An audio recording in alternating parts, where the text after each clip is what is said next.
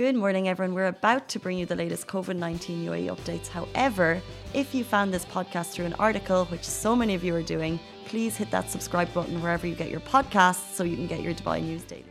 Guys, today's show is brought to you by Courtyard Playhouse Dubai as part of Lovin Dubai's Business Bounce Back campaign. The Courtyard Playhouse Performing Arts Training Centre is the first and only dedicated improv theatre and KHDA licensed training centre in the UAE. There are so many ways you can help this amazing theatre by purchasing a theatre gift voucher, booking a corporate training session, taking an online or an in house workshop, or just by watching their online events, and most importantly, guys, help spread the word via social media. Good morning, Dubai. Happy Tuesday. Welcome to Lovin Daily, where we take you through the top trending stories. Today, we're talking about visit visa updates. We're also talking about the launch of a COVID 19 platform in the UAE where you can get the latest updates. And then finally, we'll bring you into the fact that the Emirates Mars mission is launching tonight, later on in the night at 12.51. And you can watch that all on Lovin Dubai, which is super exciting. First of all, we're going to go into our main story, which is UAE visit visas. You have a grace period from July 12th.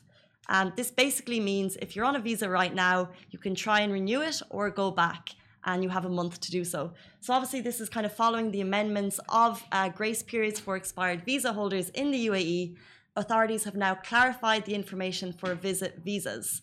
So, if you have a visit visa which expired after March 1, you now have a one month grace period to arrange your documents from July 12th. Uh, this actually means you'll begin incurring overstay fines from August 10th. So it's worth taking note of that date. If you have a visit visa which expired before March 1, it's also worth taking note. Uh, it had previously been announced that you must leave before August 18th. However, there was no update um, on this along with visit visa announcements. So it's worth kind of staying up to date for more information on that. Um, so, guys, like I said, this is all the new updates from Visit Visas. We had initially thought that they would be cancelled, the fines would be cancelled until the end of the year. Over the weekend, authorities confirmed that there was an amendment in the grace periods. So, uh, we have the dates for if you have a regular visa holder and you want to renew it. Uh, there's been a timeline linked on Lovin Dubai for when you should get in touch with AMER to renew it. So uh, I think we'll just go through them quickly uh, but you can get kind of the exact ones on Lovin Dubai on our Instagram page. So if you have a residency visa or Emirates ID which expired in March, you can start renewing it now. However, if it expired in April, then you start reviewing it now. Also, uh, if it's expired in May, then you do it from the 11th of August. Um, and then following that information, there was a lot of questions about visit visas. So this is the update on visit visas. You have one month grace period, which takes you from July 12th to August 10th. So from that date, you either need to get it renewed or go back. And you can do that all on um, the AMER website, AMER, via GDFR. GDFRA, I always mix that up. Via the general, oh, you can do it on AMER. Anyway, you guys know the Visa, the Visa Fund. And also, they suggested doing it online to save you time. Also, the fact that it's contactless. And there was a small update on their Twitter account yesterday, which said make sure you have all the documents in place or you can expect delays. And if you have one month and you're trying to renew a visit visa, then you definitely want to get on that and make sure that you have all the documents in line. So that is our top story related to visit visas, but we have some also some great updates regarding COVID-19. The UAE has just launched a platform and this is very cool because it's your, going to be your go-to for key COVID-19 updates in the UAE. So at yesterday's media briefing, a new platform for residents so this means for me and you to track COVID-19 in the UAE was launched. Uh, it's actually a joint effort by the Ministry of Health and Prevention, the National Crisis Centre and Disaster Management Authority, and the FCSA. So it has all of the latest information in one place, which is amazing. And I think, especially as we start living this new normal, this COVID 19 tool is going to be super handy for you and me. Um, it features all the update data, including new cases, active cases, recoveries, and deaths per day, as well as where you can find your nearest health centres. And I think this is key because we're constantly um, talking about you need, you know, you need to go to the source to get your information and this will be your source. And like I said, it's great because uh, when when I suggest to you to go to the sources and where we get our information is from, um, I guess like the NCMA, uh, different Twitter accounts from the authorities.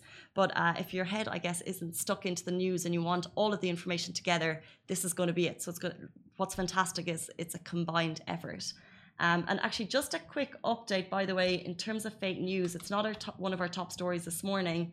Um, but it was announced that there was some fake news uh, going around that everyone flying into the UAE would need a negative test before travel.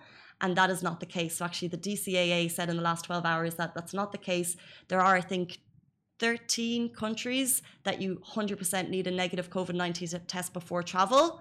Um, all of the other countries, if you can get it, there is um, you do need one, in, or if you can get it, fantastic. But also you can get it at DXB on arrival. Um, so that was just kind of the authorities kind of coming out to say fake news on that one. take a short break. We'll be back with you after this message. Help us to support businesses affected by COVID 19 through our Lovin Business Bounce Back campaign and share your favourite businesses with us at hello at lovindubai.com or DM us on our Lovin channels, Facebook, Insta, or Twitter. Guys, the Emirates Mars Hope probe lifts off tonight, and you can watch it right here on Lovin Dubai, which is amazing. Um, so, just after midnight tonight, the UAE will attempt to be the first ever Arab nation to reach Mars. This is history in the making. You can watch it live at 12:51:27. That's the exact time uh, tomorrow July 15th. And I actually made a mistake yesterday because I said July 14th because I got confused with the dates, but there you go. It's tomorrow, 12.51, uh, 20, um, 27 seconds past the minute. The probe will be the first probe to complete a complete picture of the Martian atmosphere and its layers when it reaches the red planet's orbit in 2021. And as we know, it takes seven months to reach. But as well as that, as well as providing significant climate research, it will also be a beacon of hope. Um, and I think the answer is in the name, really. It's called the Hope Probe. And this is a story that we shared yesterday um, by Nas Daily, who's a vlogger. And he said, and I think this is incredible the Hope mission is the story of how Bedouins went from the desert to orbit Mars in less than 48 years. So, as well as providing the significant climate research, which it is going to do, uh, this is kind of the story of hope. Um, this is truly a fantastic achievement by the UAE. It's history in the making. And when I say it's a story of hope, it's a story of it's it's a great news story in the Arab in the Arab world. And I think you can watch this video by Nas Daily. And like I said, it's on Lovin Dubai. He basically said there's a lot of bad news stories of Arabs that kind of get shunned. They get a lot of attention around the world. But this is the true story. It's an amazing story. It's a fantastic achievement. 200 Emirati engineers, scientists worked on this to make it happen over the last number of years. 30%. 34% of those are women, which is fantastic. And now we're going to see liftoff tonight. And I'm sure we'll be getting all the stories uh, as they come through. Like I said, if you want to watch it, we're actually be launching it. Uh, launching it? We won't be launching it right here, but we'll be filming it right here, broadcasting uh, the broadcasting the launch from Lovin Dubai. So you can check our Facebook tonight. Thank you to Chai, who's not here in the morning, but he's going to be up doing that. Richie, it's not going to be you this evening. Um, Did you talk about it, or is Chai just put up his hand because he wanted to do it? I guess uh, Chai is doing it. Thanks, Chai. Thanks, Chai. Will you be watching it? Love you.